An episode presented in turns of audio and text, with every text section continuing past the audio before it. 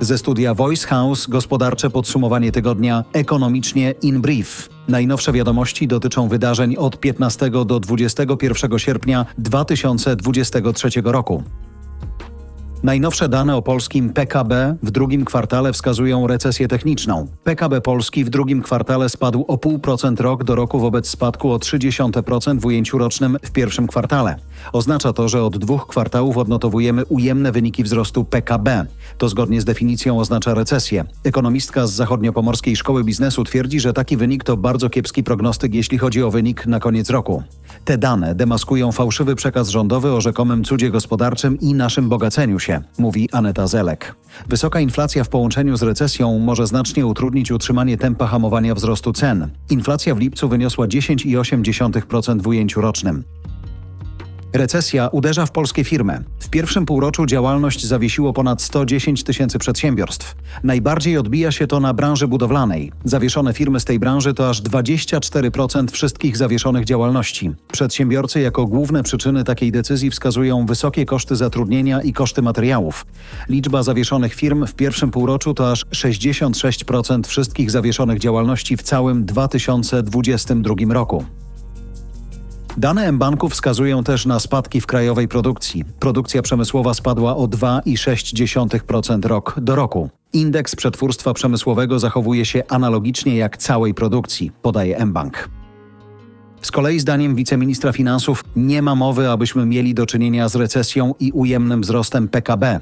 Spodziewany jest wzrost rzędu 1%. Przedstawiciel rządu twierdzi, że w drugiej połowie roku inflacja w Polsce nadal będzie spadać, a we wrześniu pokaże wynik jednocyfrowy. Zauważa też poprawę nastrojów konsumpcyjnych wywołaną dodatnią dynamiką płac. Chiny zaskakują skromną obniżką stóp procentowych. Pekin obniżył główną stopę procentową o 10 punktów bazowych. Spodziewano się cięcia o 15 punktów bazowych. Z kolei pięcioletnia stopa procentowa została na niezmienionym poziomie. To na niej opiera się większość pożyczek hipotecznych. Ożywienie w drugiej co do wielkości gospodarce świata straciło na sile z powodu pogłębiającego się kryzysu na rynku nieruchomości, słabych wydatków konsumenckich i spadającego popytu na kredyty. Niestabilność chińskiej waluty ograniczyła jednak możliwości Pekinu na głębsze luzowanie polityki pieniężnej. Misja księżycowa Rosji zakończona porażką. To pierwsza rosyjska misja księżycowa od 47 lat. Rosyjska państwowa korporacja kosmiczna Roskosmos poinformowała, że statek Luna-25 wymknął się spod kontroli i rozbił się o powierzchnię Księżyca. Przyczyny niepowodzenia misji ma zbadać specjalna komisja. Wysłanie na Księżyc statku Luna-25 wzbudziło w Moskwie nadzieję na powrót Rosji do wyścigu o Księżyc. Biorą w nim udział USA, Chiny i Indie. Do tej pory żaden kraj nie dał rady przeprowadzić miękkiego lądowania w rejonie południowego bieguna Księżyca. Zdaniem naukowców właśnie tam można znaleźć wodę przepaść finansowa na piłkarskim boisku. Według danych FIFA nadawcy z różnych krajów oferowali od 1 do 10 milionów dolarów za prawo do pokazywania meczów Mistrzostw Świata Kobiet.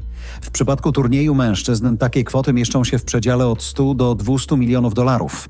Ogólnoświatowy wzrost zainteresowania piłką nożną kobiet sprawił, że kobiece drużyny mają pełnoetatowych trenerów i korzystają z tych samych obiektów treningowych co mężczyźni. Dziewiąte Mistrzostwa Świata Kobiet przyciągnęły milionowe tłumy i widownię telewizyjną. Rozbudziło to nadzieję, że kobiece rozgrywki mogą zacząć niwelować ziejącą przepaść finansową, która istnieje w stosunku do mężczyzn.